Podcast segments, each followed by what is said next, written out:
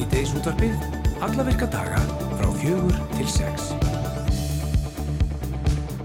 Já, komið sæli hlustendur góðir. Það er síðdeis útvarpið sem heilsar hér á Rás 2.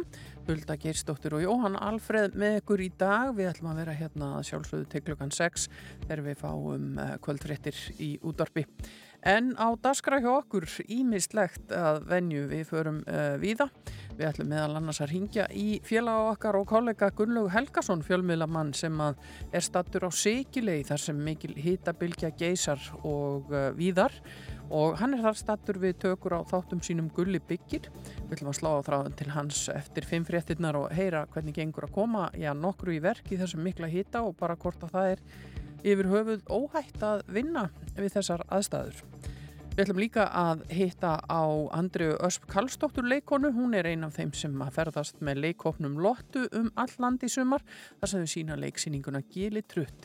Þetta er eh, fastur liðurorðið í sumarlífi landans og þau eru alltaf á miðugudöfum í Elleðardalum og svo ferðast þau vitt og breytt. Hún ætlar að kíkja til okkar í spjallir og eftir hún Andrea Svo er það HM Kvenna í Knaspinu, það hefst á 5. daginn kemur í Ástralíu og á Nýja Sjálandi og það má búast við skemmtilegur og spennandi keppni þar sem að bandaríkja konur freista þess meðal annars að vinna þriðja heimsmestratitilinn í röð. Helga Margret Höskuldsdóttir Íþróttafréttamaður allar að rýna þess í HM með okkur og fara yfir eh, fyrirkomulega útsendinga umfjöllunar hér á Rúf og miðlum Rúf. Svo er það hundarnir því að í dag er dagur íslenska fjárhundsins og hann var haldinn og er haldinn hátilegur á árbæjarsafni í dag og dagurinn tengist e, því að það er ammaliðstagur Mark Watson sem stundum hefur verið kallað bjargvættur íslenska fjárhundsins. Það var ímislegt á dasgrá í tilöfni dagsins í árbæjarsafni í dag og Jóhann Alfreð kíkti þangað bara fyrr í dag og spjallaði við nokkra viðmælendur á sæðinu. Við fáum að heyra afræsturinn að því hér á eftir. Og svo hér rétt á eftir ætlum við að slá á þráðin til Ólafar Skaftadóttur sem er í vöðulónum þessa stundina. Við ætlum að forvitna staðins um veiðina sem aðver sumri en hún heldur utan um alla þræði í stóru lagsá og er einmitt á leiðinni inn í lagsárgljúfrin sem hún segir eitt fegursta veiðistað í, já, ekki bara í Íslandi, heldur kannski bara í heimi. Við ætlum að ná í skottið á henni áður hún hverfur á vit, síma, sambandsleisis og sælu hér rétt á eftir. En byrjum á tónlist, ætlum að heyra í stöðmönnum og hér er sungið um vorið. Vorið var kannski svolítið sent á ferðinni þetta árið en það er að minnst að kosti komið sumar og við skulum njóta.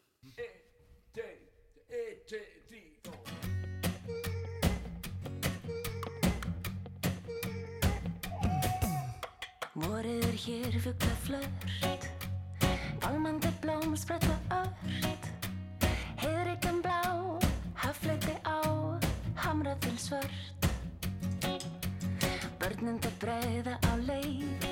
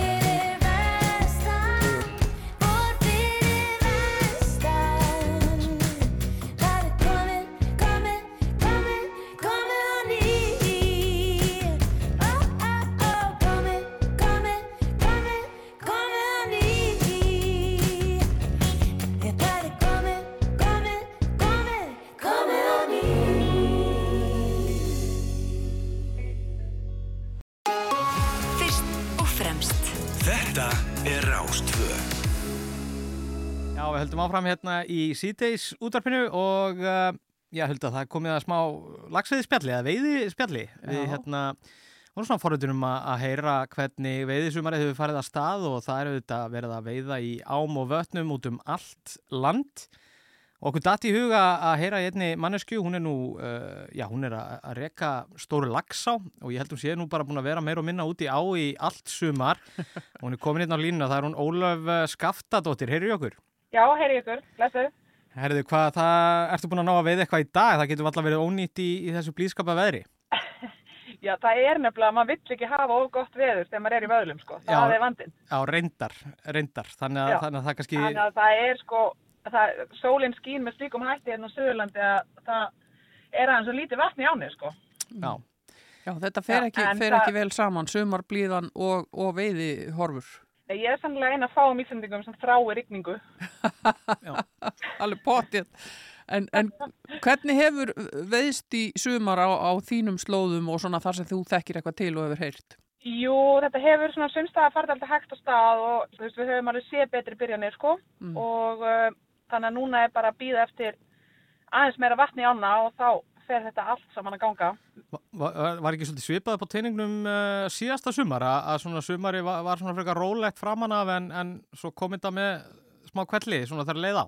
Nei, hún var aðeins jafnari í fyrra sko. Það Já. var bara meira, meira jáni og, og, og, og svoleiði, svona ytri skilirði. Mm. En annars held ég að þú veist að allir, allt þetta lið sem er að veiða og, og ég sjálf þar á meðal, maður er alltaf að þykja að skita eitthvað lesið í hegðun þess að lagsa, en þú veist, það er ekki þannig sko. Nei. Þú veist, maður er alltaf að óska sér einhvers annars en er, út af þá er þetta nú alveg miklu betra. En uh, ég veit ekki alveg hvað er til í þessum vísindum hjá okkur öllum saman sko. Já, það er allir með sína kenningar einhvern veginn. Já. Ertu búin að, hefur þú verið með veiðidellu bara frá bassaldri? Nei, ég er nú bara daldið þannig gerð að ég fæ áhugamál og gjössamlega fekk mér í það fjögur að fimm ára gamalt áhugamál Já. Og svo var það í fyrra sem að vini mínir tóku á leigu stóra lagsá og ég ætlaði bara að koma og veiða hans með þeim sko. Ég bara er ekki ennþá farin á Suðurlandi og hafði basically aldrei farið út fyrir 101 fyrir það sko, nefn ég örstuðt að túra sko. Þetta er alvöru. Já, þannig að þetta er einhvern veginn axlaðist þannig að núna svona sé ég um að reka þetta ásamt þeim sko, við erum bara saman í þessu og þetta er svona að vinna dæmi Já. Og uh, þetta er náttúrulega bara alveg ógæðslega skemmtilegt. Við vorum að byggja nýtt veiðuhús hérna og, og þetta er bara, það gengur ógsla vel þótt að mætti vera aðeins meiri veiði sko. Já. En sko, getur þú líst þessu fyrir, já, minnst að kosti mér, ég veit ekki með því og hvort þú ert mikið að veiða, ég hef ekki verið mikið í þessu, en, en getur þú líst fyrir okkur svona, hvaða er sem er skemmtilegt við þetta? Hvernig er tilfinningin að- vera að veiða? Um, ég veit ekki sko, þetta er aldrei, aldrei heimsbygglu spurning. Hulli. Það er einhvers konar svona blanda af, þú veist, einhvers konar keppni sem er alltaf gaman og einhvers konar svona fáránleiri ró sem að færi yfir sig. Mm. Og fyrir utan það, þetta er einu skiptin sem ég finnst að fólk byrja raunverulega virðingu fyrir því að maður svara ekki síma. Og við að trublaði hérna. Já, það er allir... Já, það er pása, vaktin byrjar ekki alveg strax. Nei. Já. En hvernig hefur uh, veiðst hjá þér, ertu búin að ná í ykkur að lagsa í sumar, það sem að ver? Jú, jú, jú, við erum aðeins búin að, við erum búin að ná nokkrum en hérna, eins og ég segi, það hefur verið að stansa þetta nýja hús, þannig að ég, við vorum nú, hérna, þannig að nú fer að taka við, núna er svona allt komið á betri skrið og, og nú fer svona að taka við aðeins meiri veiði að minni hálfu, sko. Mhm. Hvað hérna, Og hvernig... þá náttúrulega hef ég alla trú á að töluna breytist. Já, Akkurat. en hvað hérna, um, hvernig er skiptingin hjá okkur? Er, er þetta me meira Íslandingar sem koma til ykkur að veiða eða mikið af útlendingum? Við erum með að breyta hjá okkur núna og verða svona daldið út júli og svo fara Íslandingarnir að detta inn í ágúst og september. Mm Og hérna, og þetta hefur bara verið nokkuð jæmt hérna, við byrjum, við opnaðum 21. júni Mhm. og þetta hefur verið svona heila bara jæmt Íslandingar og útlendingar og hérna áður fyrir náttúrulega þótti veiðin, uh, hún var svolítið bundin, hún var svolítið karlæg, uh, en þetta er svolítið óðum að breytast þetta ekki. Maður hérna, konur er, a, er að koma að fullum krafti uh, inn, í, inn, í, inn í veiðina. Finnið þið fyrir því? Já, það, já, algjörlega sko við erum að fá fullt af stelpahólum sko í sumar og, og hérna og ég er nú þáttingandi í nokkrum slíkum og ég bara held að, að þetta sé mikið að breytast sko uh, ég er nú ekki nógu gömul til að mun eftir þessu sem eitthvað karlægur sko ég, hérna, voru nú bara konur sem kendi mér að veiða Já, Já. akkurat. Að sjálfsög. Hvert, já. hvert líkur leiðin núna? Þú, þú sagðir okkur áðan að, þú verður að fara að keira eitthvað út úr símasambandi. Er verið að fylgja áni eitthvað lengst upp á hálendið eða? Já, við sko skiptum á nýtt fend og það er annars vegar svona neðrasvæði þar sem er símasamband og, og svona hús með kokki og öllu, öllu tilherandi. Svo erum við með efrasvæði sem er svona meira æventrasvæði og þar er svona nánast ekkert símasamband og svona veiði kofi fyrir, sem að hérna, þú þarf bara að elda sjálfur og sjá um allt þitt sjálfur. Já. Og við erum á leiðinu þangað þess að. Já. Og, Og, það alltaf ég fullir að sé með fallari veðisvæðum á Íslandi, Lagsár gljúfrin. já, vá. og talandi um sko með þetta símandæmi sem ég voru að segja á hann sko ég er nú vön að vinna uh, mikið og vinna í bænum og vera stöðugt í sambandi Mm að þetta er bara það besta sem ég veit sko Já. fara þarna upp eftir og nær engin í mann bara geðvikt Já, nema rétt svo sítiðis útarpið, svona, hérna, Á er svona rétt ára að vaktin, vaktin byrjar. nákvæmlega Já, ég er það, ég menna Við erum uh, þakklátt fyrir að þú hafið gefið þér tíma til þess að spjalla þess við okkur hérna á Rás 2 og uh, ég veit ekki hvernig það er í veiðinu. Má maður segja uh, gangið vel eða góða veiði eða er ykkur hjátrú í kringum þetta? já það er hjá trú, maður má ekki segja þetta Nei, ég tek þetta allt tilbaka. Ég tek þetta allt tilbaka. en uh, við ætlum samt að segja uh, njóttu dagsins og, og, og náttúrunar og, og uh, takk fyrir að vera á línunni hjá okkur Ólöf Skaftadóttir. takk sem leiðis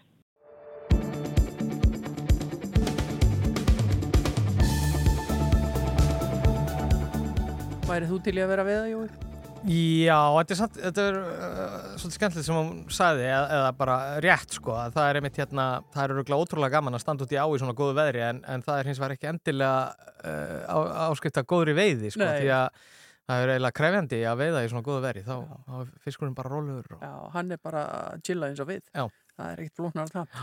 En uh, hér rétt á eftir ætlar hún að koma hún uh, Helga Margret Höskuldsdóttir íþróttafréttakona. Við ætlum aðeins að, að spá í spilin fyrir HM Kvenna í fótbolta sem byrjar á, á 50 morgunin.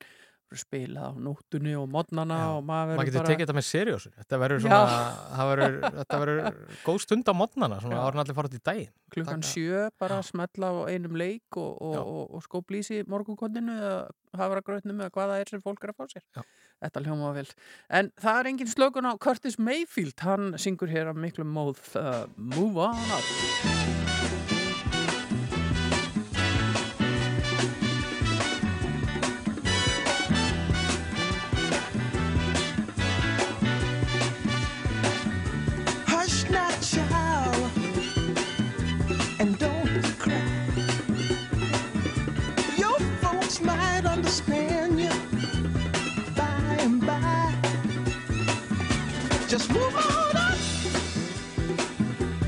Destination.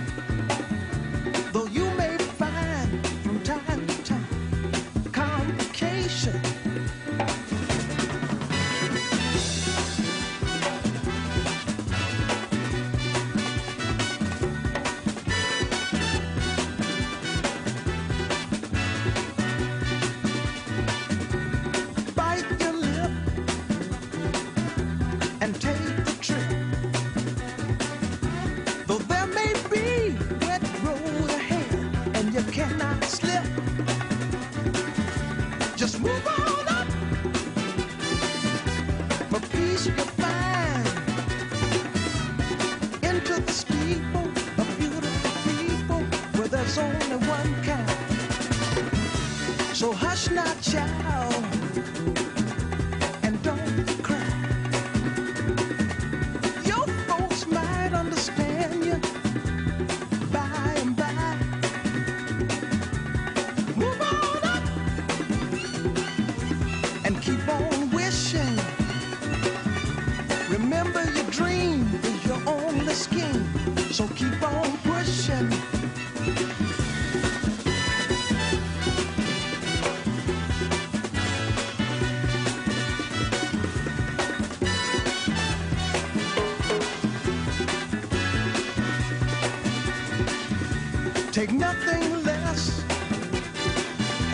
suffering.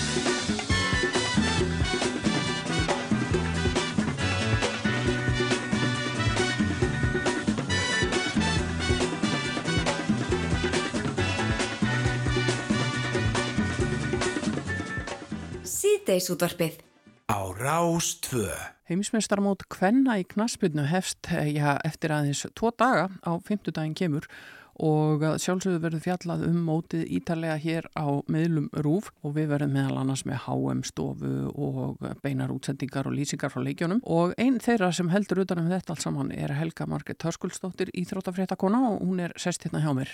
Góðan að blessa daginn. Góðan að blessa en daginn. Hvernig leggst þið í því?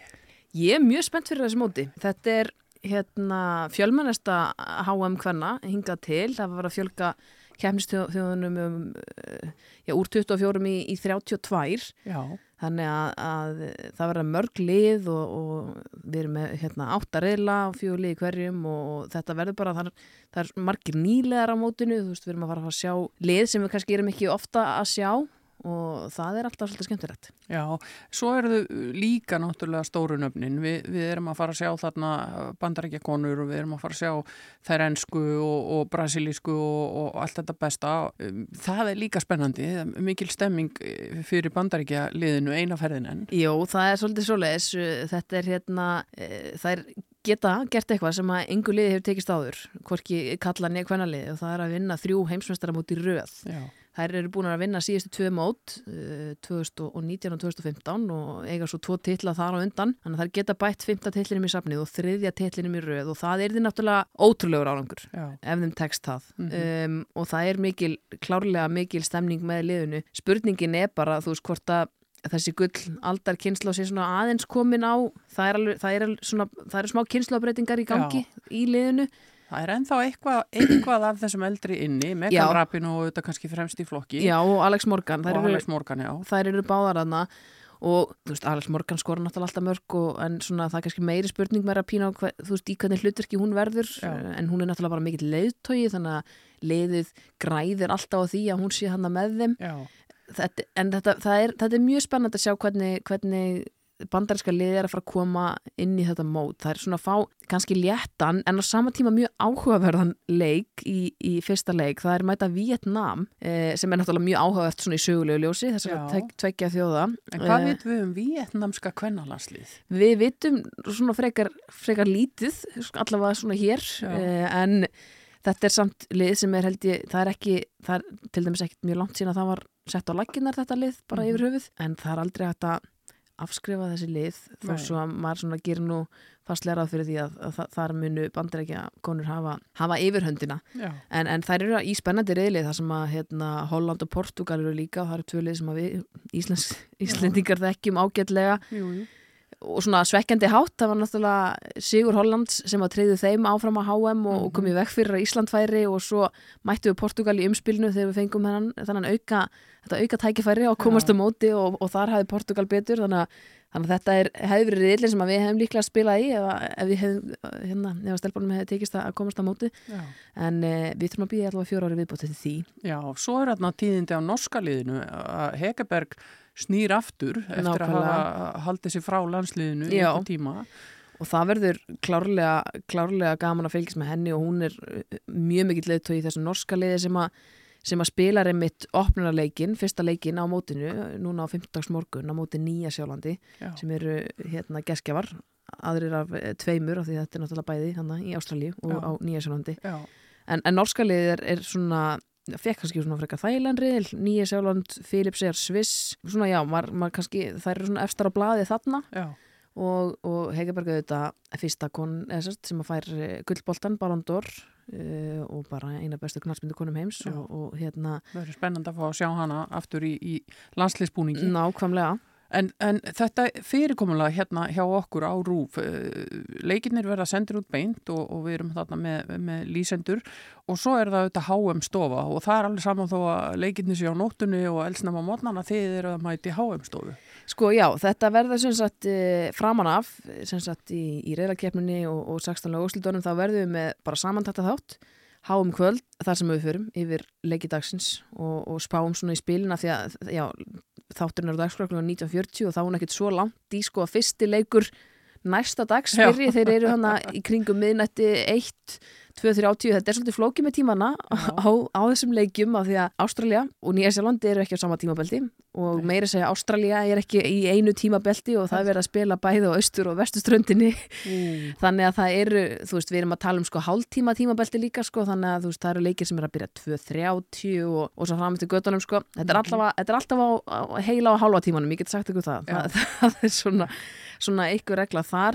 en, en svo er þetta svolítið flókið að þetta er svona, það er ekki, það er ekki hérna, eins og við vorum með á í Katar núna í, í desember og januar, nei, hérna, nóvember og desember segju, það sem að það var bara leik klukkan 10 og það var leik klukkan 1 og það var leik klukkan 4 og leik klukkan 7 Nei. við erum ekki alveg jafnþægileg Nei. þarna því miður en, en hérna við erum, þetta er hægt að finna þessar upplýsingar allar mjög skilminnilega settar upp á, á rú.is erum með svona HM hérna 2023 undir flipa sem að fólk getur, Mhm. getur nálgast þessa dagskrá en við förum svo sett yfir uh, leikina í HM-kvöldum þannig framan af og svo þegar að við byrjum í áttalega úslitunum þá verðum við komin í þessar hefðbundu stofu og þá einmitt skiptir engum máli hvað klukkan er við verðum mætt. En, en það, það, þessi, þeir leikir nú yfirleitt svona, já, snemma morgun, þetta er ekki Já. alveg hérna hánótt, sko. Þannig að við erum, ég heldur sem að byrja eitthvað kringum sjö, eitthvað tíma. Og þið, Edda Sif Pálsdóttir, ætlið að halda utanum HM stofuna og með ykkur sérfræðingar. Já, Adda Baldurstóttir sem að klökkir áhörundur eftir að vera að kannast við, búin að vera með okkur í kringum þessi stórmót um, og svo fáum við nýjan leðsönga, Albert Brynjar Ingarsson sem að fótbolta áhuga fólk kannast kannski við, mm er Mhm. búin að vera í, í kringum bestu dildina hérna heima og er í hérna Dr. Fútból hlaðarspunni meðal annars hefur verið gestur þar þannig að er svona, hann er öllum nútum kunnugur og skemmtileg viðbútt og, og gaman að fá, fá nýja sín inn í, inn í þetta allt saman. Þau verða þarna og svo eins og þú segir það að öllum leikinu verður líst sama hvort þessi nótt eða dagur. Já, já. og uh, bara frábæri lýsendur hjá okkur líka og, og, og þeir munu líka svona, þe- þegar það verðum ekki með þessa hefðbundu uppbytun fyrir þá, þú veist, útsendingin mun hefjast aðeins fyrir og þeir munu, munu fara yfir byrjunarliðin og, og allt það helsta sem að við kemur hverjum leik fyrir sig Já, síðasta HM Kvenna og EM reyndar líka var alveg meiri háttar skemmtun Mhm. og uh, sko ég veit að, að áhugin fyrir kvennaknaspunni hann hefur alveg stóra aukist uh, eftir þessi mót og er alltaf að aukast við sjáum uh, mikla aukningu í áhuganum til dæmis á Englandi og í Þýskalandi og liðin er að leggja orðið mikið metnað í þetta. Er við á einhverjum svona tímamótum? Er kvennaboltin að fara yfir eitthvað landamæri? það er, það er algjörlega búið að vera að tala um það svolítið undanfarið að, þe- að þetta mót við erum komin þú veist, það er, það er einhver svona einmitt, tímamót, einhver vendipunktur í kringum þetta mót. Og maður vonar að því að nú hefur kvennafótboltinn náttúrulega kannski verið svona stæstur hér í Evrópu og í bandaríkjunum og tímalega séð er þetta náttúrulega erfiðar tímasetningar á þessu móti. Já, til þess að horfa á, þess að horfa á í sjónvarpinu en, en svo er auðvitað alltaf að hérna, að horfa á leikina eftir og allt svoleiðis en, en maður vonar allavega að það sé ekki að fara að hafa þau áhrif að þetta verði kannski alveg stórt og Mhm. fólk var að búast við. Mhm. en þetta verður stórt og þetta verður ánefa stærsta heimsmyndstarmót í sögunni, það er orðið uppselta á opnunuleikin, þú veist að þetta færa opnunuleikin, það var svo mikill aðsókn í með það er uppselta á úslitaleikin ég held að það sé orðið uppselta á alla leiki hjá heimakonum Mm. í Ástralíu, þannig að þetta er að fara að verða stærsta mótið Já, hingað til, Já. það held ég alveg klárlega og maður fin- finnur, maður er búin að finna bara svona stigmagnast bara spennuna núna bara síðustu, síðustu daga í rauninni sko. Mhm. þannig að já, ég held að þetta sé tímapunktur og það er svona vendipunktur hjá kvennaknaspindunni og EM síðasta saumar var það klárlega líka og þar, voru, þar spilaði náttúrulega inn í að, að þetta var England veist, og þær voru á heimavelli og, svona, og allt það sko þannig að þetta fer svolítið eftir líka sko, svo hugsa maður sko ef að bandeikin vinna eina ferðina enna því að þú veist, mm. hvernig knastmyndan er klárlega orðin mjög stór þar þú veist, þurfum við ekki eitthvað, eitthvað annan sigur vera núna til þess að aðeins að hérna, brjóta þetta upp sko. en það, það verður mjög gaman að sjá og þetta verður, eins og ég segi, klárlega stærsta mótið hinga til hvernig minn. Spennandi. Byrjar allt saman á fimmtudaginn og eins og Helga Margrét sagði hægt að skoða dasgrána nákvæmlega á vefnum okkar rú.is undir sérstakum háum flipa þar. Ég segi bara gangi ykkur vel með þetta allt saman og, og ég hlakka mikið til að fylgjast með. Það getur nú vel verið að maður taki eitthvað af þessum leikjum bara á spilaranum. Ég verð nú að viðkynna það. Svo eru þannig leikir sko, eins og á 50 daginn þá byrjum við klukkan 7, það er, er opnunuleikurinn og, og, og hérna, hinn leikurinn sem er Ástralía Írland hérna, opnunuleikurinn í Ástralíu þetta er, þú veist, þeir, þeir, hérna, gestgjafarnir byrja báðir, þú veist, hann er klukkan 10 Já, hann er bara fýtt í sumafríinu svo er leikir klukkan 1 Nú, þú veist, að nóttu til þar að Já, segja sko, þannig að það, það er bara hérna, bandaríkin Vietnam til dæmis klukkan 1 á lögataskvöld er það Aha, ekki bara saman. fyrir eitthvað svona það slefur. part, partífólk Jú, Ha? jú, ekki spurning. Helga Margrét Háskuldsdóttir, takk hjá fyrir að koma við hjá okkur í útvarpinu og fara eins yfir HM Kvenna sem framundan er. Takk fyrir mig Rástfö með á nótunum í 40 ár.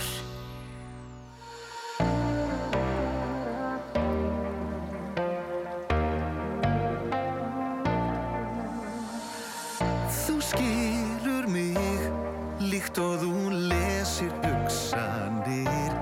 Kottu til mín og haldu ég fast. Fanlægið endur hleður allt.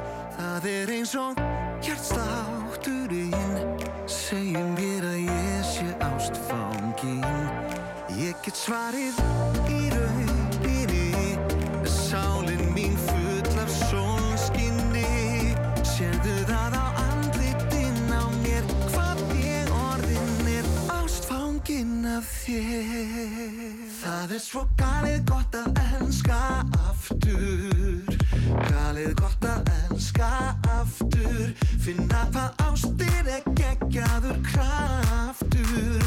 Galið gott að elska aftur. Það er svo galið gott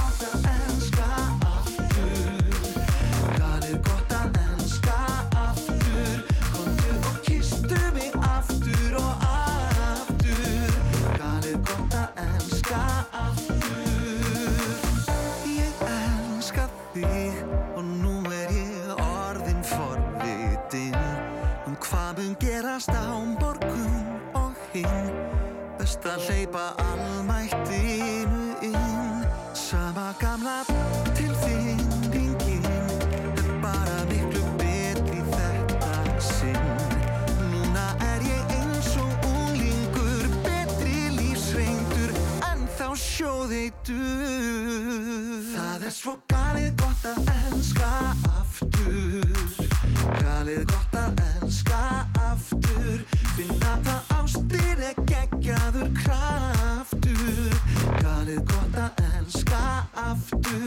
aftur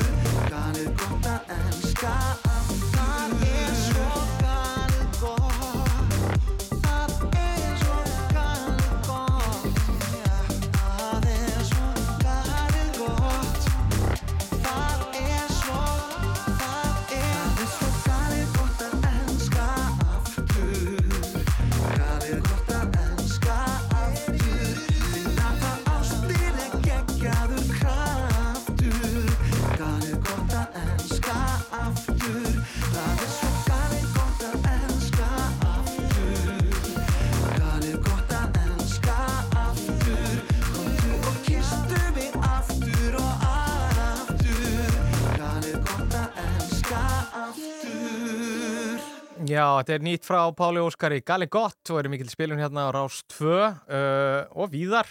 Uh, en við höldum áfram uh, í síðdeis útdarpinu, ég heiti Jón Alfreð og með mér Hulda Gestóttir ætlum að sitja með ykkur til klukkan 6 í dag og uh, já, við erum komið góðan gest. Það er leikópurinn Lotta sem eins og fyrir sömur er á bara fullri ferðum all land í sumar meðal annars í Elleðadalunum alla miðugudaga Já.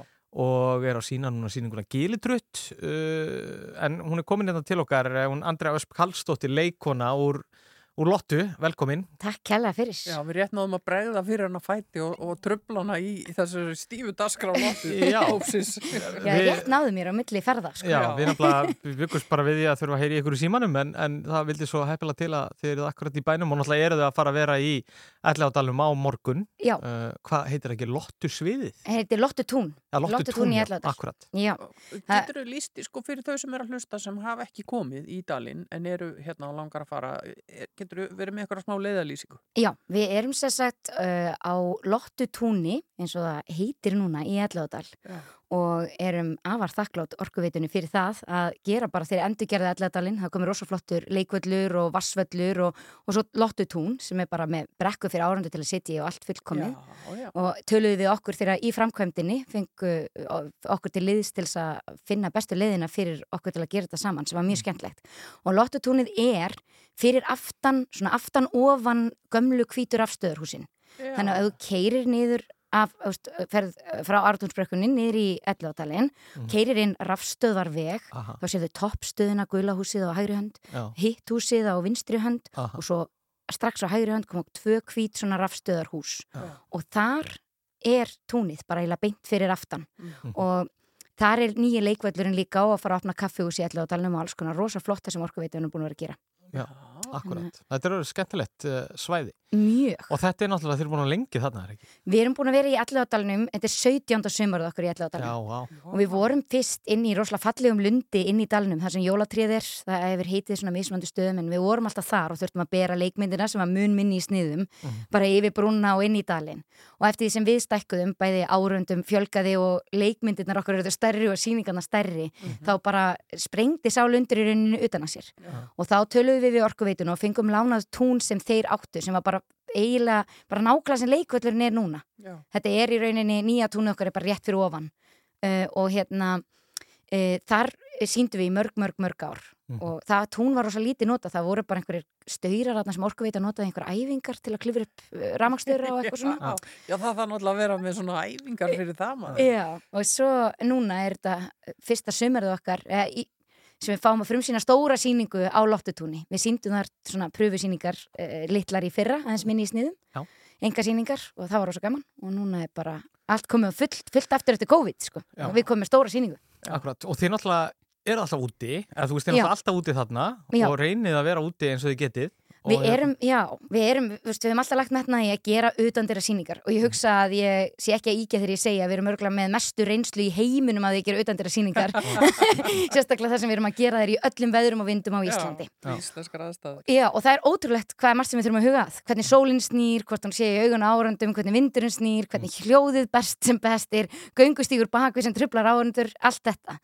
Og uh, umferða niður allt þetta, en við erum svo sínum utandira nánast alltaf uh, en við förum einstakar sinnum inn e, þegar við erum út á landi ef við erum að heimsækja bæi kannski einu sinni og það er rosalega vond veður og það er bara ekki bóðlegt fyrir áhörundur þá förum við innandir og þá hefur fengið bæjarfélagin með okkur í lið og erum yfirleitt í íþróttahúsum því við þurfum lofthæð eða stundum við félagsheimilum eða, eða hinnum ymsu stöðum við hefum sínt á hinnum ymsu stöðum uh, en svo höfum við verið með innandira síningar á veturna í Tjarnabíó Já.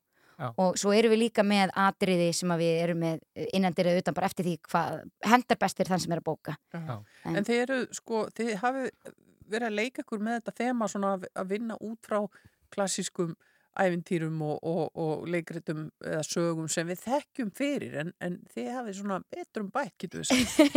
Já, við hefum gert það. Við tekið gömul æfintýri og ég minnst ekki eitt æfintýri eða fleiri og blanda þeim saman og svo er mikill metnaður laður í það að gera þetta bæði skemmtilegt fyrir börn og fyrir fullorna og allt þar á milli. Mm. Það á að vera gaman fyrir alla. Þetta eru fjölskyldusýningar, ekki barnasýningar og það er gaman fyrir fullorna, gaman fyrir börn og það er líka gaman fyrir úlinga. Og það er svolítið gaman að við erum að fara með sýningarna kannski út á land og keiftin á heila hátíða sem er frýttinn og þá koma oft bara allir af allir heimilinu er ekkert endilega með börn, það skiptir ekki máli og það er alltaf svona rosa skemmtileg stemming. Þetta er fyrir bara alla. Já. og við höfum uh, sagt, uh, það hafa nokkri rítöfundir kom, handriðshöfundar komið að lottu en síðustu ár hefur Anna Björgli Tórensen skrifað flest leikritin og það hefur við leggjum sérst líka og hún leggur rosalega mikið metnaði líka að setja inn kannski eitthvað sem er í þjóðfélaginu, þjóðfélagsumræðinu og einhvern góðan og fallegan bóðskap mm. við höfum verið að berjast, berjast gegn einelti gegn rusli í sjónum veist, það er þú veist, við erum rosalega ó, óhrætt við að sína samkynneið sem er bara eðlilegur hlutur í lífinu og er alltaf sjálfgefur í ævintýrum. Að setja bara inn í ævintýri sem, þú veist Mhm. a- allir eru alls konar, fjölbreytileikan og líka flóttamannavanda og annað sem við höfum verið að flétta inn í sögurnar á, þú veist á fallegan hátt af því að þetta á svo sannarlega heima í, í ævintýrum og í sögum sem við erum að segja í dag líka Akkurat. Og í sumar er það gilitrutt sem Það er að- gildrutt, já Er það ekki skemmtilegt að að, hérna, kl- klást við gildrutt? Það er rosalega skemmtlegt. Þetta er síning sem við settum upp fyrir tíu árum Mhm. og hefur verið í uppáhaldi rosalega margra sem, að komu, sem hafa verið að koma til okkar í gegnum árin. Og núna eftir COVID, við lendum náttúrulega svolítið illilega í því í COVID. Þú veist, Lotta fór bara eiginlega næstu því á hausin í COVID. Því að við vorum með risastóra innandira vetrasýningu í gangi á Austfjörðum þegar COVID fyrsta samkominbanni skellur á og hún með allas, veist, allur kostnarinn í rauninni að sýningunni var búinn Já. og rosalega mikil innkoma og selda sýningar sem voru eftir sem að datt alveg út Já. og svo ákveðum við að því við trúum á sumarið eftir að við förum að stað með bakkabræður sem er í svo stór og þá var náttúrulega bara 100 manna samkomi takmarkanir og við fáum til okkar 10.000 áhrundur yfir sumarið í staðin fyrir 20.000 eins og vanalega. Þannig að þið sjáum munin að þessar sýningar í rauninni Ja, þeir gera okkur svolítið lífið leitt og við erum bara í miklu mínus og við fengum í rauninni ynga aðstóð því all, all aðstóð sem að var gerð var til þess að búið til nýverkefni en ekki til þess að bjarga verkefni sem höfðu þegar farið í gang í rauninni. Já. þannig að, og við erum félag en ekki fyrirtæki þannig að þetta var svolítið flókið fyrir okkur. Þannig að við dóum ekki ráðalaus, við fórum að stað í fyrra og hitti fyrra, við bara minni síningar Við tókum eldri síningar með færri leikurum og fórum út um allt land, þannig við heldum okkur striki. En í sumar, þá ákveðum við að fara að stað í stóra síningu aftur eftir COVID. En þurftum að skoða okkur svolítið vel um að því að við fengum ekki styrki er að sjá hvað getum við gert? Getum við ekki áhættinu eða getum við fara út í kostnæðin sem að fylgir í að fara í glænían söngleik? Þannig að við tókum þetta uppáhaldsverk rosalega margra aðdóðanda og gerðum það upp á nýtt það er tónlistin tilbúin, handritið tilbúið og uh, margt sem er hægt að gera þá kannski aðeins öðruvísi. Og við erum bara ótrúlega stolt af útkominni það eru nánast upprunnilega kastið. Allir leikarar voru að leika þessi hlutverk fyrir tíu árum. Mhm. sami leikstjóri og uh, við erum með brjálæslega skemmtilega síningu í höndunum sem er upp úr sögunum Gildrutt, uh, Búkollu og Geitunum þreymur Já. og þetta er blandað allt saman í svona skemmtilegt ævintýri sem er mjög mikið af fullorðins húmor og, og hérna í- Ég er alveg bara innblásin að svo í kraftur í þér og bara við Já. dáum ekki ráðalus.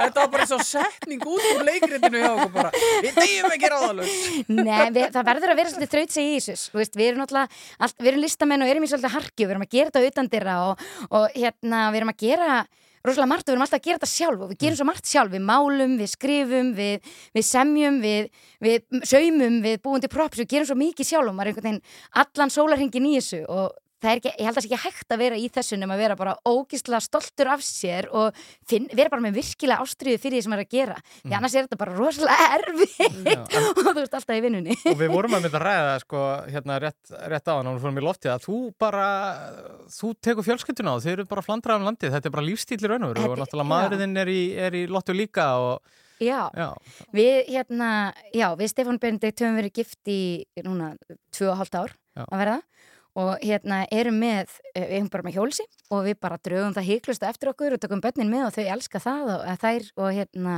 þeim finnst, eh, er býð eftir sumrinu að fá að búa í hjólísinu meira og minna þegar þeir eru hjá okkur. Já. og hérna, og er, þetta er bara æðislegt og það, þetta er í rauninni bara lífstil það er bara þannig og við tökum okkar sumafrí svolítið í september Já. eftir, eftir törnina þó við fáum auðvitað frítagi við sumar eða eins til að hitta fjölskyldun og gera eitthvað skemmtlegt saman. Þá, En hvar getur áhuga samt fólk uh, séð dagskrána hjá okkur í sumar? Sýningaplanið okkar er inn á leikópurunlotta.is að þú ætlar að nákvæm með leikópurunlotta.is skástrygg sýningaplan en hérna, og það er allt sýningaplanið okkar fyrir sumarið. Við sýnum á yfir 50 stöðum um landið. Uh, þannig að við reynum að heimsækja sem flest bæjarfjölu á landinu og leggjum mikið metnað í það að heimsækja sem flesta. Og erum allavega í öllum lands hornum þannig að það ætti ekki vera neitt rosalega langt fyrir neitt að koma til okkar. Þú veist, þannig að endilega kikið á okkur, það er rosa stuð. Sýningin er klukkutími. Það er lengt og hún er bara um að gera komið teppi til að sittast á jörðina eða ef ykkur finnst erfitt að setja á jörðina komið með garðstóla eða útilegu húsgögn það er bara margi sem gera það. Já. komið með nesti og myndavél. Og svo fá allir að hitta personunar eftir sýninguna til að taka myndir með öllum. Þannig að þetta er bara svona skemmtileg fjölskyldustund. Og væntalega rjóma blíða áfram á morgun í Lottu túni Já, við erum alla, alla miðugudagi í Ellegadalunum klukkan 6 nema miðugudaginn 27. júli þá Mm. erum við á Seyðisfyrði það er bara of langt fyrir okkur að koma frá Östjörnum þannig að eina miðugudag Já. en miðvikudag- morgun verðið þið á ykkar stað. Já, á morgun verðum við á okkar stað en miðugudag í júli erum við líka klukkan þrjú þannig á morgun erum við með tvær síningar Vá. í blíðunni klukkan þrjú og klukkan sex Úhú. og það er hægt að kaupa miðastaðanum uh, miðasalur opna klukktíma fyrr eða á tix.is fyrir þá sem finnst það þægilega Herði, frábært, uh, ótrúlega gaman að fá þig og bara gangi ykkur sem allra best í Takk sumar fyrir. og í vetur og, og bara í áframhaldinu hjá, Já. hjá ykkur í Lottu. Takk fyrir og gleðilegt sumar Takk. Fyrst og fremst Rástvö Þetta er Rástfö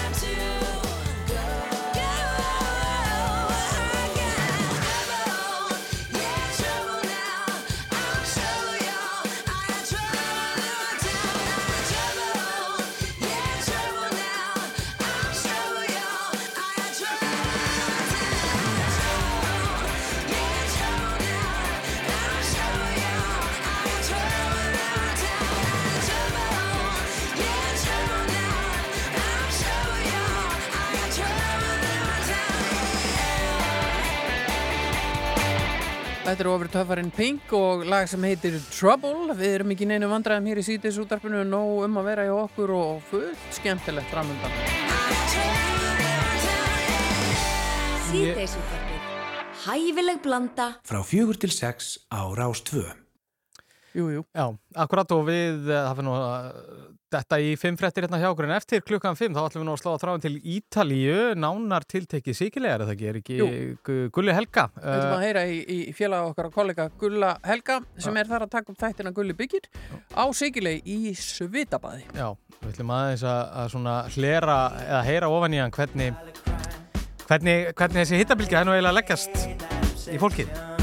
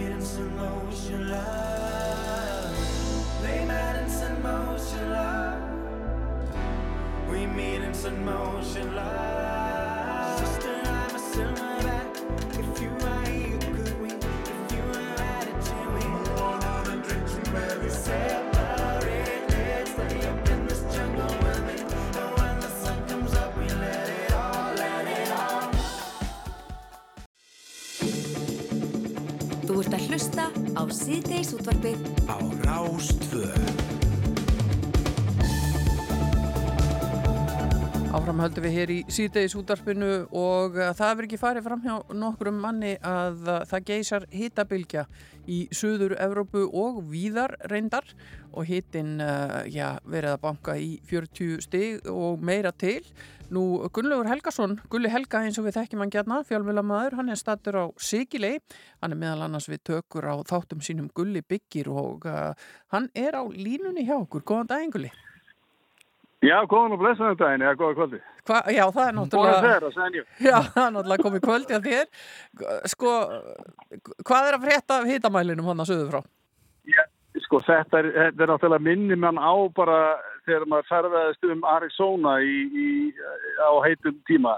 Já. Sko, hita, ég er núna stattur í Salemi, sem er svona á vestari hluta eigunar og ger fór hitin í dag í 41 gráðu og við vorum að koma frá öðrum bæ sem er sko á östari uh, hluta eigunar sem heitir Mótika Já. og þar fór hitin í 46 í fyrradag Já. Og ég held í gær líka. Vá.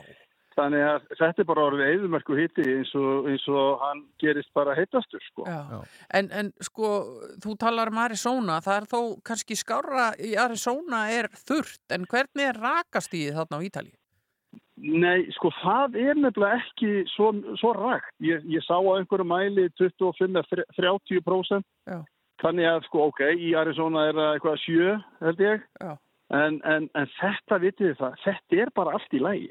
Á meðan að við erum ekki að bera til sofasett eða mm. uh, setja upp einhverja hippa og, og, og hjóla Já. eða lappa upp einhverja hérna, tröppur Mm. og er bara í skugganum, þá, þá sleppur þetta alveg. En, en það er nú verið að tala um það hérna, það var nú reyndar læknir í, í hópnum eh, hérna, með okkur hérna, í Mótika Já.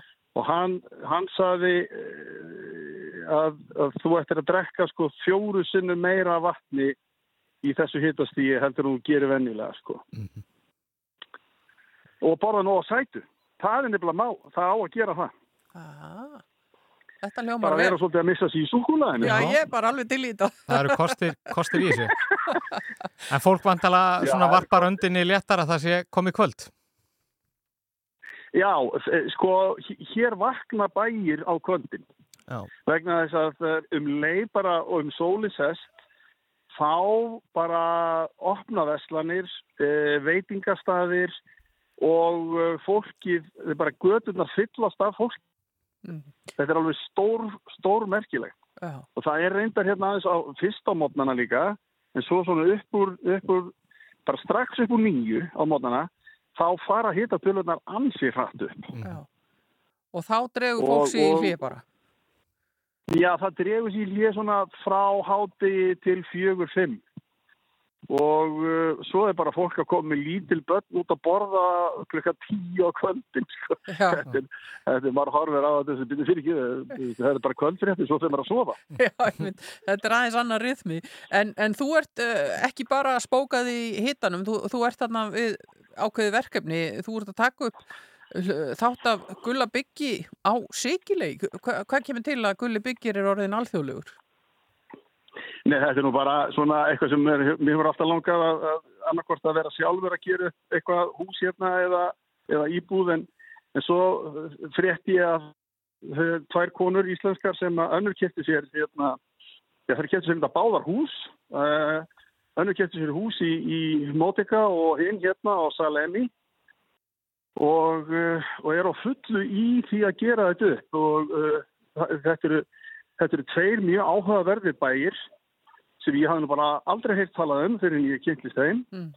og Salemi er sko hann er, hann, hann er byggður í kringum sko eldsti parturinn á hann skildist mér á manni sem var að labba með mér hérna um það er eitthvað frá árunni þúsund Já. og, uh, og í sko, og hér var ekki verið að spara hlutina. Nei.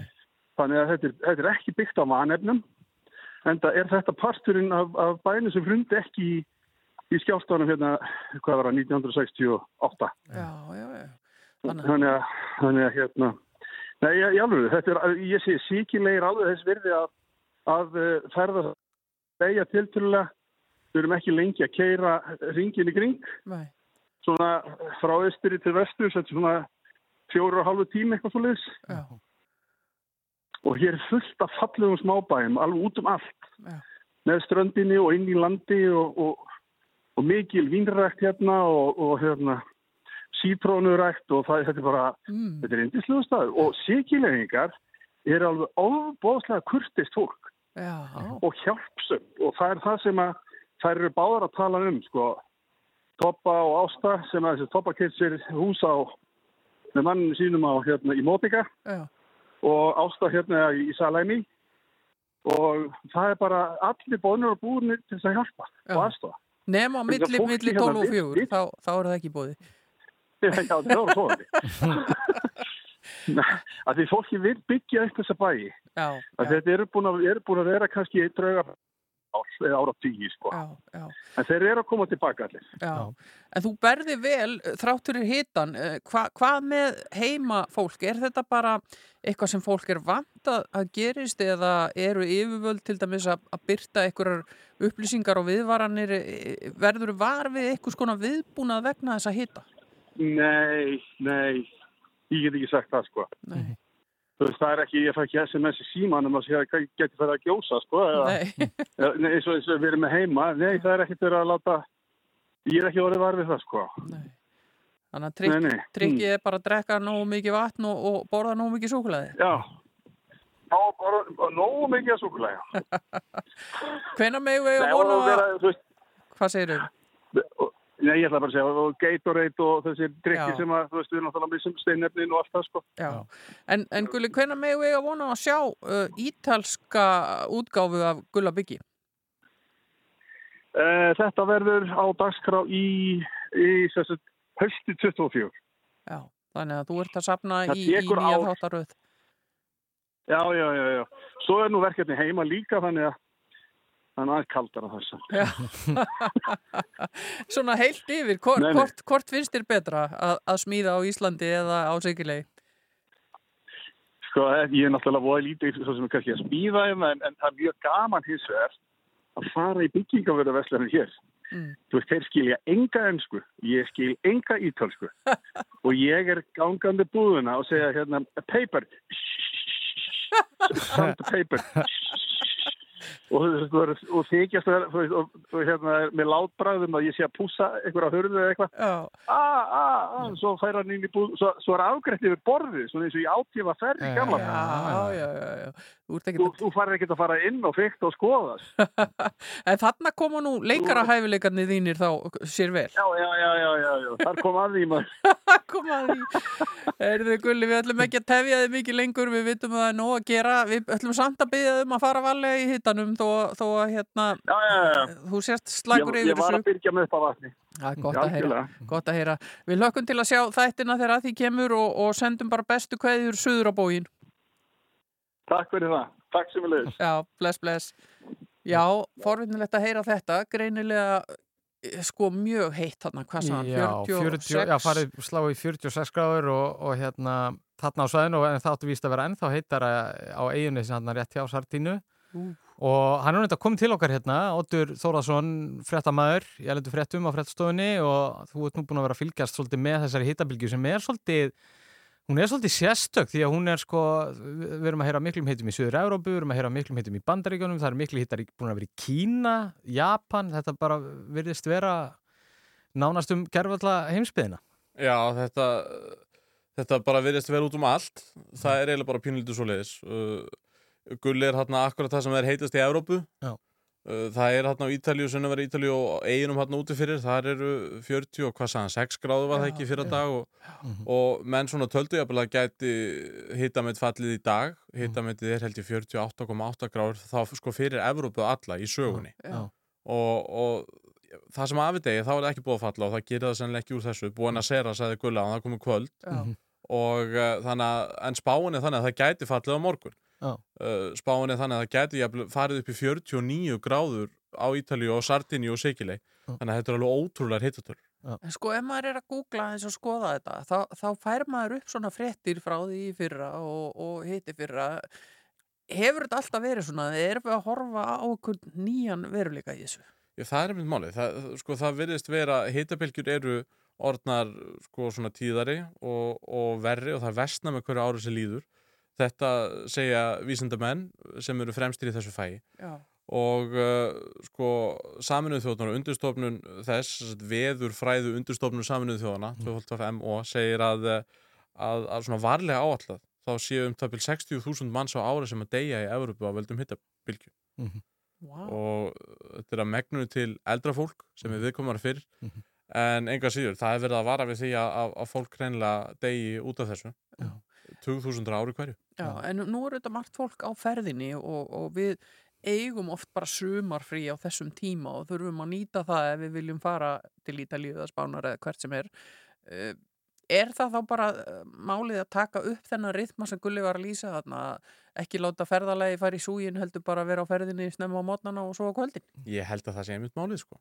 Maður verður bara að vera þá í skugga og, og, og klæða af sér hittan eins og heimamaðurinn gerir í þessum heitaru löndum og einmitt drekka fjórfalt magna vatnið það sem maður er vanur að gera og, Já. Rétt að taka það fram úr að tala um vatn, ekki drekka fjórfald magn yfir höfuð. En nákvæmlega, já, einmitt. Það er einmitt málið. Það var ekki góð hugmynd. Maður á ekki að fara í áfengi, sko. Og Það, maður á ekki að vökva sem er bjór eða víni, sko. Nei, áfengin er bleið þurkar fólku. Akkurat, sko. Og, já, já, og svo finna sér kalda laug. Einmitt. Það, já. Og ef við talaðum um Íslandi, ég er búin að vera að heyra það, ég rætti sko við Æslandir uh, til að kanna það hvort að við Íslendinga værum eitthvað fært að afbóka fríin okkar þarna nýra á Ítalíu, það er náttúrulega búið stóraukast eftir COVID að Íslendinga fari í frí til Ítalíu. Já. Það virðist ekki vera sko. Nei. Nei. Og við erum ennþá bara að halda okkar strikki sko og fara þarna þrátt fyrir hittan og ég bara vona það að fólk sé allavega að svona gæta sín sko. Já, mæntalega skárra hérna á norður Ítalíu, það sem auðvitað margir Íslendingar eru. Uh, en já, þetta er svolítið áhugavert. Það, hérna, og svona getur þetta nú breyst bara fyrir 2-3 vikum. Þá vorum við að tala um hvað tíðin væri búin að vera óhagstað hérna sunnanland svo allir að finna sér ferðir út. Mhm. Nú er einhvern veginn búin að vera blíða hérna heima en, en brostið á með algjöri hita bilgu bara sérstaklega þarna í sunnanverði Evrópu. Já, og víðar eins og við tölum um áðan sko, það í Gullin endur nú Phoenix í Arizona áðan það er núna 18 daga í röð hitti búið að fara yfir 43 gráður. Og það verður þannig út júli sko. Þannig að þetta er mánuður þar sem hitin bara í kringum 43-45 gráður. Þetta er bara svona eðimerkur bara lofslag. algjör sko, og ég menna í einu hér eða í Kína í hvað gæraði fyrir þetta þá fór hitin upp í 52,2 gráður. Á sko sama tíma og annar stæðir landinu eru flóð og, og, og örskriður og, og fólk að að láta lífið í, í slíkum hörmungum. Já. og þannig er það víðar í Asíu líka, það er mikill hitti í Indlandi en á sama tíma annars staðar í landinu flóð. Í Japan er hittipilgi Tókjó 150 km sunnar, þar eru flóð og, og, og Suður Kóru rosalegir öfgar. miklu öfgar og sérstaklega í Asíu þá er svona öfgar í báður áttir sko.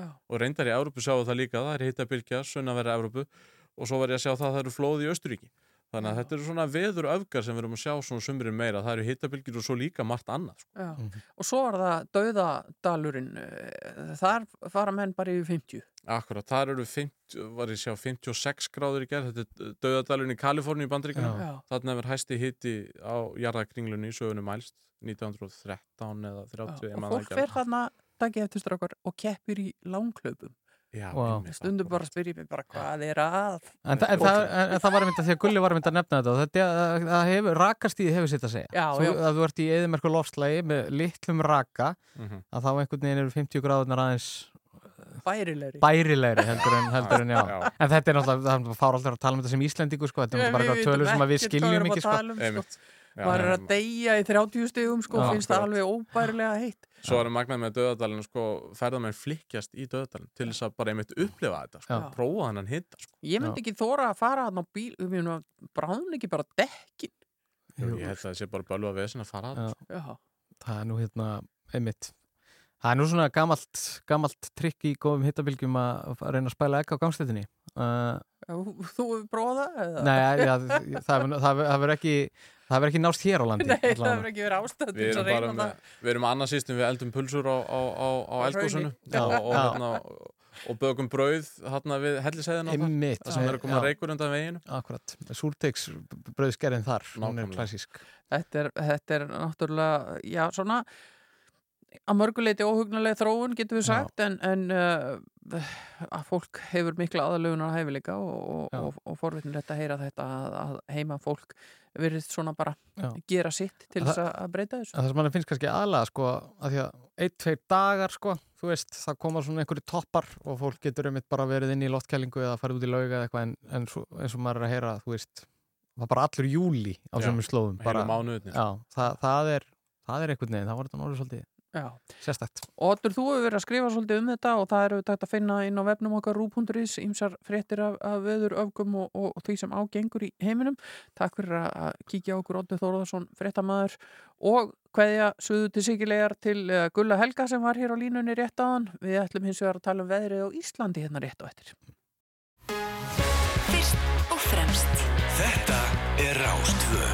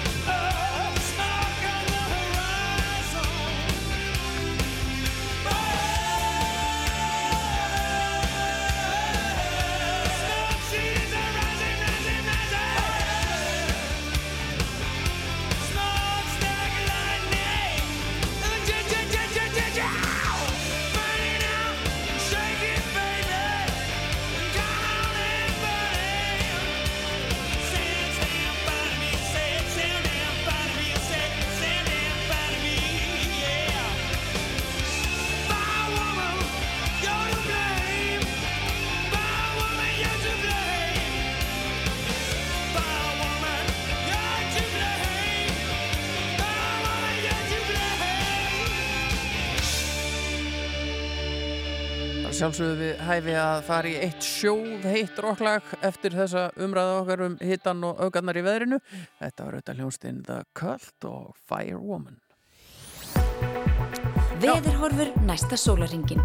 Og talandi um veðrið, það er nú bara skaplegasta veður viðast hvar á landinu, það er búið að vera mjög fínt hérna uh, sunnalands í dag, hitti hefur náð svona, já, slegið svona hátt í 20 gráðuna þar sem að best lætur, uh, nú hann svona hefur verið að snúa sér í svona norðvestanátt, 5-10 metrar á sekundu, en 10-15 metrar austast næsta uh, sólarringin, en það verður rundar hægari vindur á, á morgun. Uh, og það verður viða bjart við sunnan og vestalands skíð og þurft að kalla norðaustalands uh, en svo svona fer að þykna upp smán saman svona vestast á landinu þannig að þessi sólarkapli okkar við ættum nú að njóta sólarinnar á morgun líka en, en svo er svona spurning hvort að það er nú spáð að ég að fara að rigna svona þegar líða tekur á, tekur á vikuna Já, það segir hérna í hugleðingu viðurfræðings að við fáum svo loksins einhverja vætu sunnan og vestalans á fymtudag Já. En líkur og sólarglennum norðaustan til áfram mild. Hver, hver eru þessi sem að fá, vilja fá loksins einhverja. Ég, það er ekki heimja mér. Þetta, ég, samt- ég er ánægð með þetta orðfæri sko, það, hérna, þetta, þetta, kalla, þetta er svona einhvers konar væntingastjórnun sko, hérna, að kalla eftir rigningunni en þetta er samt svolítið sérstætt sko, maður var hérna eiginlega allan júni að býða eftir góðaverinu og svo þegar það góðaverið er búið að vera að búið að vera fýtt kapli núna Mhm. ég, ég er svo sem alveg til í smá rigningu á fimmtæðin sko. það Er er bara, það? já, já, Já, ég, þú, þú ert náttúrulega bara svona, hérna, svona til í allt bara. já, já. Já, bara léttur Já, já, en sko, þá kemur alltaf þessi klassíska þetta er gott fyrir gróðurinn og allt það, en það eru auðvitað margir uh, bændur að slá núna á fullum og vonandi bara ná sem flest á að slá og ganga frá því sem þau þurfa að gera áður en að rigningin kemur og svo má vökva svolítið vel og Mm. síðan má hætta að rigna. Akkurat, og svo er þetta örgla, við vorum að heyri henni Ólöfu Skaftadóttur áðan sem er í lagsveðinni, þannig að það er örgla að því að veiðsumarið hefur vist verið frekar rólegt sko, þannig að fínt að fá smá rigningu. Hún vildi fá meira vatni árnar, þannig Já. að kannski verður henni að ósk sinni þegar líður á vikuna. Já. En þetta lítur ágætlega út. Núna ef maður skoða kortið bara eins og það er núna fyrir klukkan 6 í dag, þá er já, vestanmegin á landinu getur við sagt að sé bjart yfir og svona aðeins meira skýjað fyrir austan og, og kannski einna síst svona á norðaustar hotninu í augnablikinu. En þeir fengu, þau fengu líka fullt af góðu veðri hérna fyrir í sumar Já. þannig að þetta dreifir svona og skiptist allt sem Já. er bara, er það ekki bara svolítið uh, sangjant? Jú, bara skipta, skipta kökunni svolítið. Jú, við ætlum að henda okkur hérna í Reykjavíku dætur áður en að við heyrum af heimsókn finni á Árbæjasafni í dag.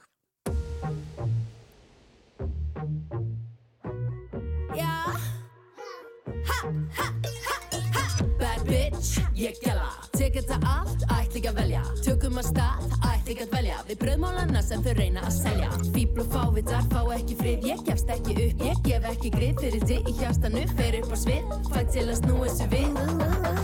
Baby ég er alheimurinn. Eða karlmark Stýði var að kærasti minn Borða ríka kalla í morgumatinn En þau genga ábyrðis og gerandi minn Ey, legg saman tvo, tvo Segji eitt en ger eitthvað annað svo. Fæðum nýtt líf, Færum þér nýja von. I'm the Virgin Mary, baby I'm the whore. Tökum á stað Þangað sem allt er óskrifa blað. Já við teljum niður tíman þar Til við skrifumst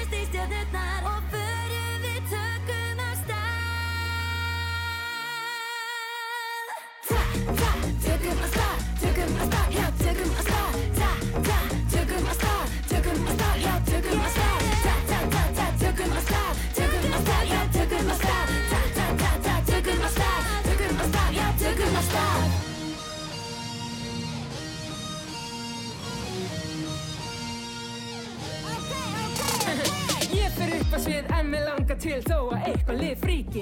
Dætum ég vil hlið, fyllum dansgólfi, plassi er ekki á lítið? Hér er pláss fyrir dróninga, pláss fyrir fríkin, pláss fyrir hotness og pláss fyrir lítinn. Pláss fyrir okkur sem tók allan skítinn, pláss fyrir það, pláss fyrir bítið. Þeir elska okkur einar En þeir hata okkur saman Já, tökum af stað, eigum sviðið og tökum af stað. Notum rættirnar, tökum af stað Tökum af fjassið og tökum af stað. Það kompa kimmin og sparka, viltu bita ekkert að þakka. Mættar á dansgólfi, gólfið er margir Jókar í tríti, það verður að morspið Fokkir, sneika, ekki haldi svo lofti. Ég og þú og stelpa mín poppin Sjokkir, þegar þið sjáu sá borspil Strotning, ykkur með mér á toppin Tökum af stað Þangað sem allt er skrifa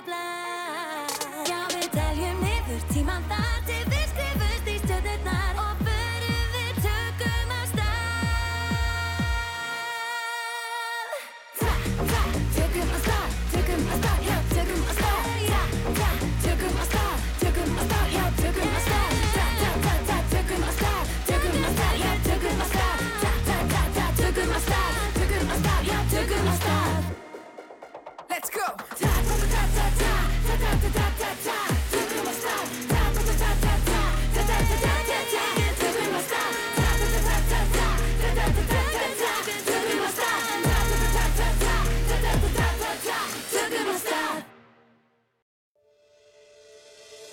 Síðdegisútvarfið á Rástföð Já, við vorum að renna hérna í gegnum nokkrar auglýsingar og, og um, heyrum í Reykjavík dætrum hérna rétt áðan sem tóku af stað. En uh, í dag er dagur íslenska fjárhundsins. Þetta er, þetta er nú bara stórhátíða dagur fyrir marga. Og ég hef tekið til því á samfélagsmiðlum að, margar fallega myndir af fallegum hundum í dag í tilefni dagsins og, og fólk dögulegt að sína okkur myndir af, af hundunum sínum. Mm. og það sem meira er, það er heilmikil dagskrá í árbæðarsafninu í dag út af þessu og, og, uh, og það er ákveðin tenging við þennan dag. Af hverju er þessi dagur, dagur íslenska fjárhundsins? Herðu, já, það er hann Mark Watson Já. sem að, hérna, hefur verið kallað bjargvættur íslenska fjárhundsins og uh, hann á ammal í dag. Uh, þannig að ammælistagurinn hans var eiginlega uh, hérna þegar að fjárhundurinn var átti bara verulega undir högg að sækja hérna uh, og, og ég mitt fór upp í árbæðasafnaðan og, og mm, ætlaði svona forutnestaði suminda því að þetta er hvað þau eru búin að gera þetta síðan 2015 Já. og uh, e, þau, já, þannig að það voru þarna fjárhundur á svæðinu, þetta kynna sér aðeins um, um fjárhundin og og meira á dagskránu og svo hitti ég líkan Sigurlegu Ingólfsson sem er nú verknastjóri upp í árbæðasafni og var svona, við settumst niður yfir einni pönnuköku og töluðum aðeins um bara sumarið í árbæðasafni og, og svona hvað er framöndan hjá þeim, þannig að það er spurning hvort að við bara hendum þessu ekki bara í loftið. Skellum okkur á árbæðarsafn.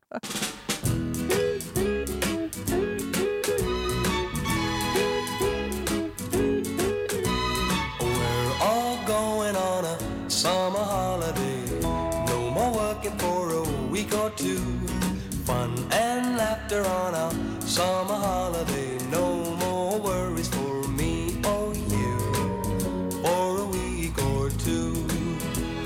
We're going where the sun shines brightly.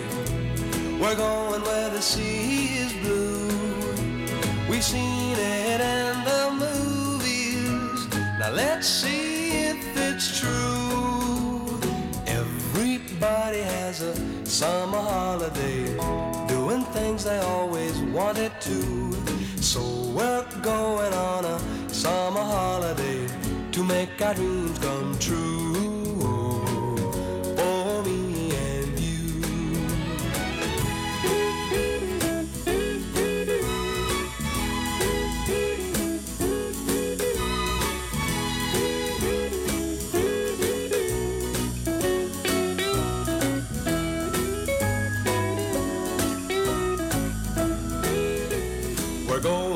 Sun shines brightly. We're going where the sea is blue. We've seen it in the movies. Now let's see if it's true. Everybody has a summer holiday, doing things they always wanted to. So we're going on a summer holiday to make our dreams come true.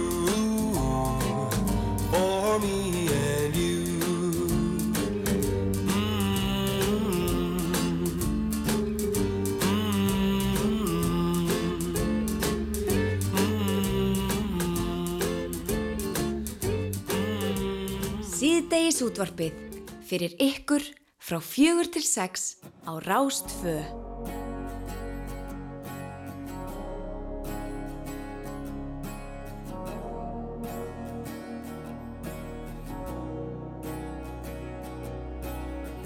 Ég er með vorbóða í vasanum Þegar ég rölt af stað með þér Ég elska lagi minningar Með ég gleyma mér með þér. Hvað er betra en kvöldin. Þegar kæru leysi tók völdin. Það er stundin sem ég fæ aðeins með þér. Þegar þú sem kjörtu slá í takt. Að þú sétt hjá mér, það er allt Þó að nóttin mæti verður aftur bjart. Þegar þú sem tjörtu slá í takt. Ég finn orkunum magnast, margfaldast Dag og hveður sólinn sest. Þúsund andlit allt í kringum mig En þitt bros gerir mest. Hvað er betra en höndin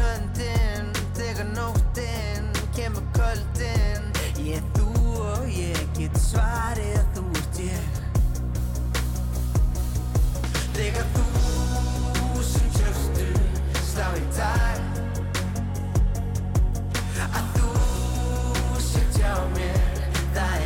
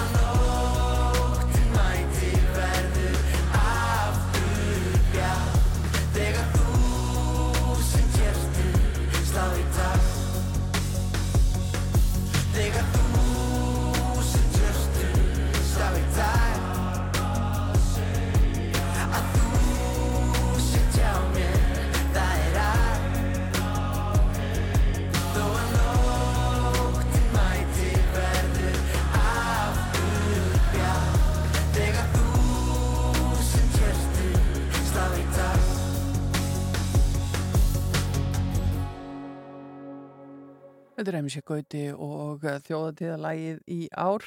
Það heitir eh, Þúsund hjörtu, en við ætlum að færa okkur úr Herjólfsdal yfir til New York og heyra í ísku drengjanum í U2 syngja um Billie Holiday í læginu Angel of Harlem.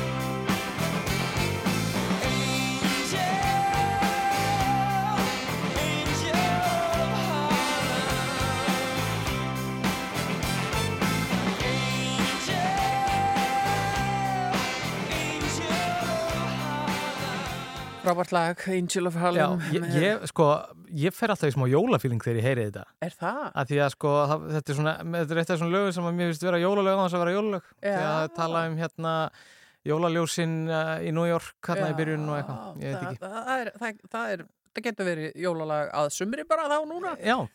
Lægið er gott, mér finnst það megi spila það á öllum, öllum tímum. Ekki spurning, frábært lag og... En já, við ætlum að gera aðra tilvægin. Ég, hérna, ég, það fór í eitthvað smá hræri gröð til okkur klippan áðan úr árbæðasafni. Ég fór sér tangað og vettfang áðan í dag uh, og var að kynna með dag íslenska fjárhundsins. Já. Uh, en uh, ég rætti nú þetta við nokkra viðmælendu meðal annars hana Eirunu Ísfold Gísladóttur talmennafræðing sem að nú annar af höfundum uh, bókarana Luppi finnum Málbin sem að það sem að íslenski fjárhundurinn Luppi hefur verið að hjálpa börnum að mynda hljóðin og svona. Mhm. en því miður þá fór það viðtali í eitthvað eitthva, eitthva smá skrall hjá okkur þannig að ég þarf kannski að flytja það bara á morgun. Já. en við erum eins og með spjall sem að ég átti við eh, Sigurlaug Ingólfsson, verkefnarstjóra á Árbæðarsamni svona almennt um sumarið og daginn í dag og, og svo hann að Þórildi Bjartmars eh, Bjartmars afsakið frá deild íslenska fjárhundsins sem var hann á sveðinu Skulum heyra það. Takk fyrir. And everybody Góðan daginn. Góðan daginn. Herri, ég er hérna, hérna frá sítiðis útvarpinu á Rás 2. Já. Hérna eru tveir. Já. Þeir eru fagulega mertir líka með fánan á sér og, og fleira. Tilefni dagsins. Já. Já. Hva, hva, hvað heitir þinn? Erðu, ég er með hérna Sóma. Já. Hvað er hann gammal? Hann er, uh, nú, 5 eða 6 ári held ég. Já. Ertu alveg fallin fyrir íslenska fjárhundunum? Er, er ekkert betra? Uh, hann er náttúrulega mjög skemmtilegur og góðu félagi og hérna heilbriður hundur og hérna, já, svona bara allan hátt skemmtilegur fjölskylduhundur. Tryggur, tryggur og ljúur? Tryggur og ljúfur, ég reyndar að passa þennan. Já. Þetta er, hann gengur líka undir nafninu Leo. Einmitt, þetta er nú skemmtileg dagskrá hérna. Uh, ertu búin að vera lengi í tengslu við fjárhundin? að svo eiga íslenska fjárhund í 12 ár en þegar ég fekk mér íslenska fjárhundin þá fjall ég fyrir hundunum og líka söguhundsins Já. þannig að ég hef tikið saman efni um, eh, um íslenska fjárhundin allt frá landnámi Já. og það haldi fyrirlestra um það Já. og hérna íslenski fjárhundin á mér nefnilega mjög merkilega sögu Akkurat, er það rétt sem að ég hef heyrt að hann komi fyrir Shakespeare en það er kannski ekki... Það er ekki rétt, það er rétt, jú, jú, jú, jú, jú, jú. Hvernig var það aftur? Sveiði er þó Íslands erðnarspertu hundur Já. í hinn er, hvað er það, sjötta eða Já. Já. Einmitt. Já. Já, þetta er, hann er stórmerkilegur. Hann er stórmerkilegur og bara mjög skemmtilega sögu og ævintilega sögu um það að kynið hafi verið næri útdautt í kringum 1950 að við höfum þurft utanakomandi sem sagt útlending til þess að bjarga kyninu og vekja aðtikla á því að kynin var að deyja út. Og þess vegna erum við nú hér í dag, Mark Watson, er það ekki? Já, jú, á fæðingadegi Mark Watson. Það eru gaman að spjalla við þig og bara njóti dagsins. Takk.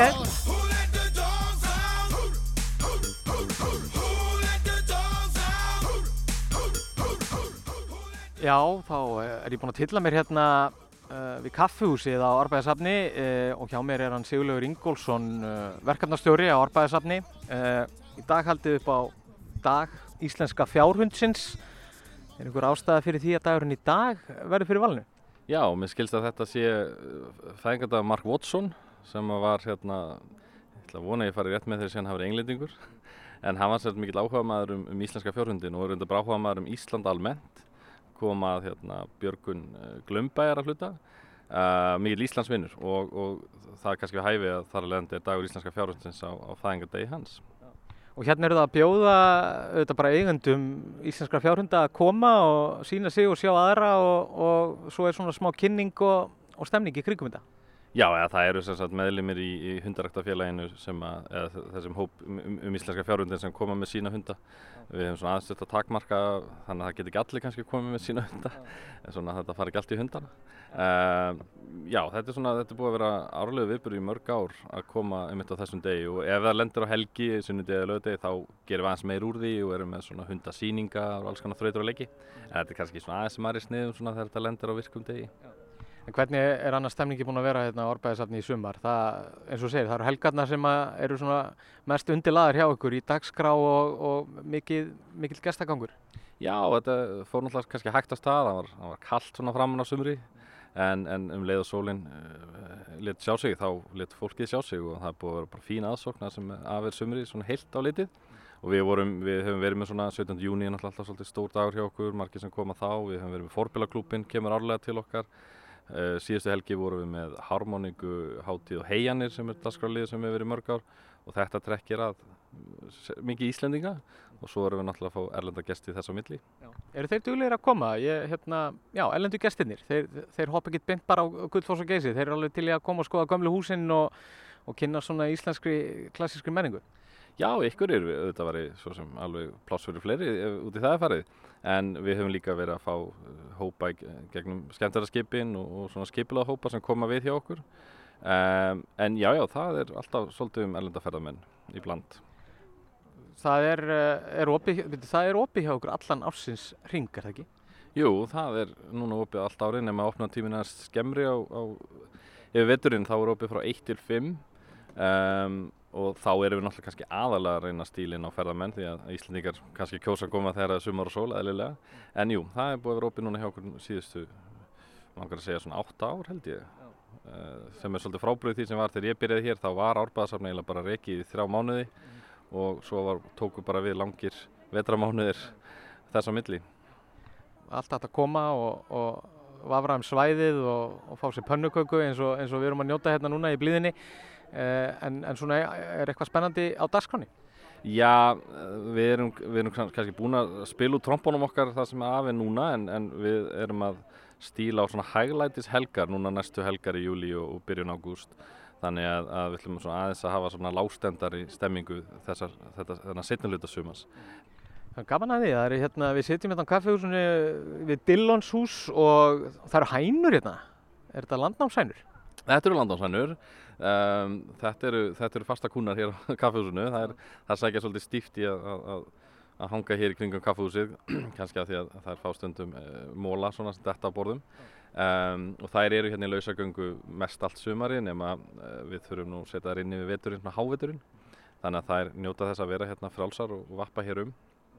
En uh, það er alveg saman þó sem vetur og sumar, það er endar hanga mest hérna í kringum kaffehúsið. Þó að opnum tíminn á kaffehúsinu sé endar aðeins skemmri, en, en þá, þá býða þær í vona.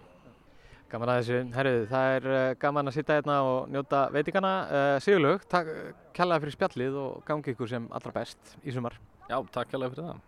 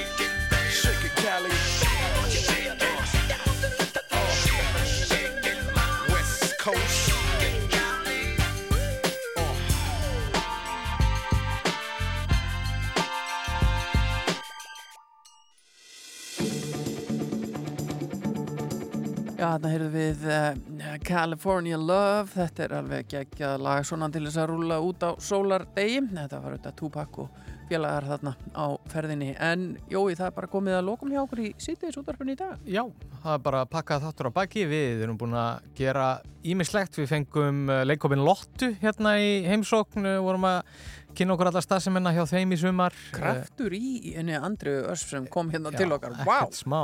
Þetta var alvöru og þetta er bara lífstíl eins og hann orðið að, að vera í leikunum Lottu bara börnin og kallin í, í, í hjólísinu með henni allt sumari, þau eru bæði í Akkurat. uh, parið Já. Og uh, gaman að heyri henni og þau verða í elli á dalnum á morgun svo hittuðum við upp fyrir HM Kvenna í knattspyrnu sem hefst nú bara á 50. morgun, það er örstutt í það fengum Helgu Margréti okkar til að aðeins að hitta upp með okkur og segja okkur frá því Það verður spennandi að bara steikja sér ekko bacon og, og horfa á leikina í morgunsárið. Já, já. Það verður mjög flott. Svo talaðum við um lífstíl. Við fó- fórum líka, það eru margir í veiðinni. Já. Og við heyrðum einu Ólöfu Skaftadóttur sem er í stóru lagsá og Já. fengum svona þess að hlera veiðisumarið Já. eh, hjá þeim. og svo heyrðum við Gulla Helga, Gunnlegi Helga sinni fjölmjölamanni á Sikilei sem var bara brattur þrátt fyrir mikinn hita og svo var það dagur íslenska fjárhundsins sem við kynntum okkur aðeins en við þökkum fyrir okkur í dag, verðum hér aftur saman á morgun að við það sem allra, allra best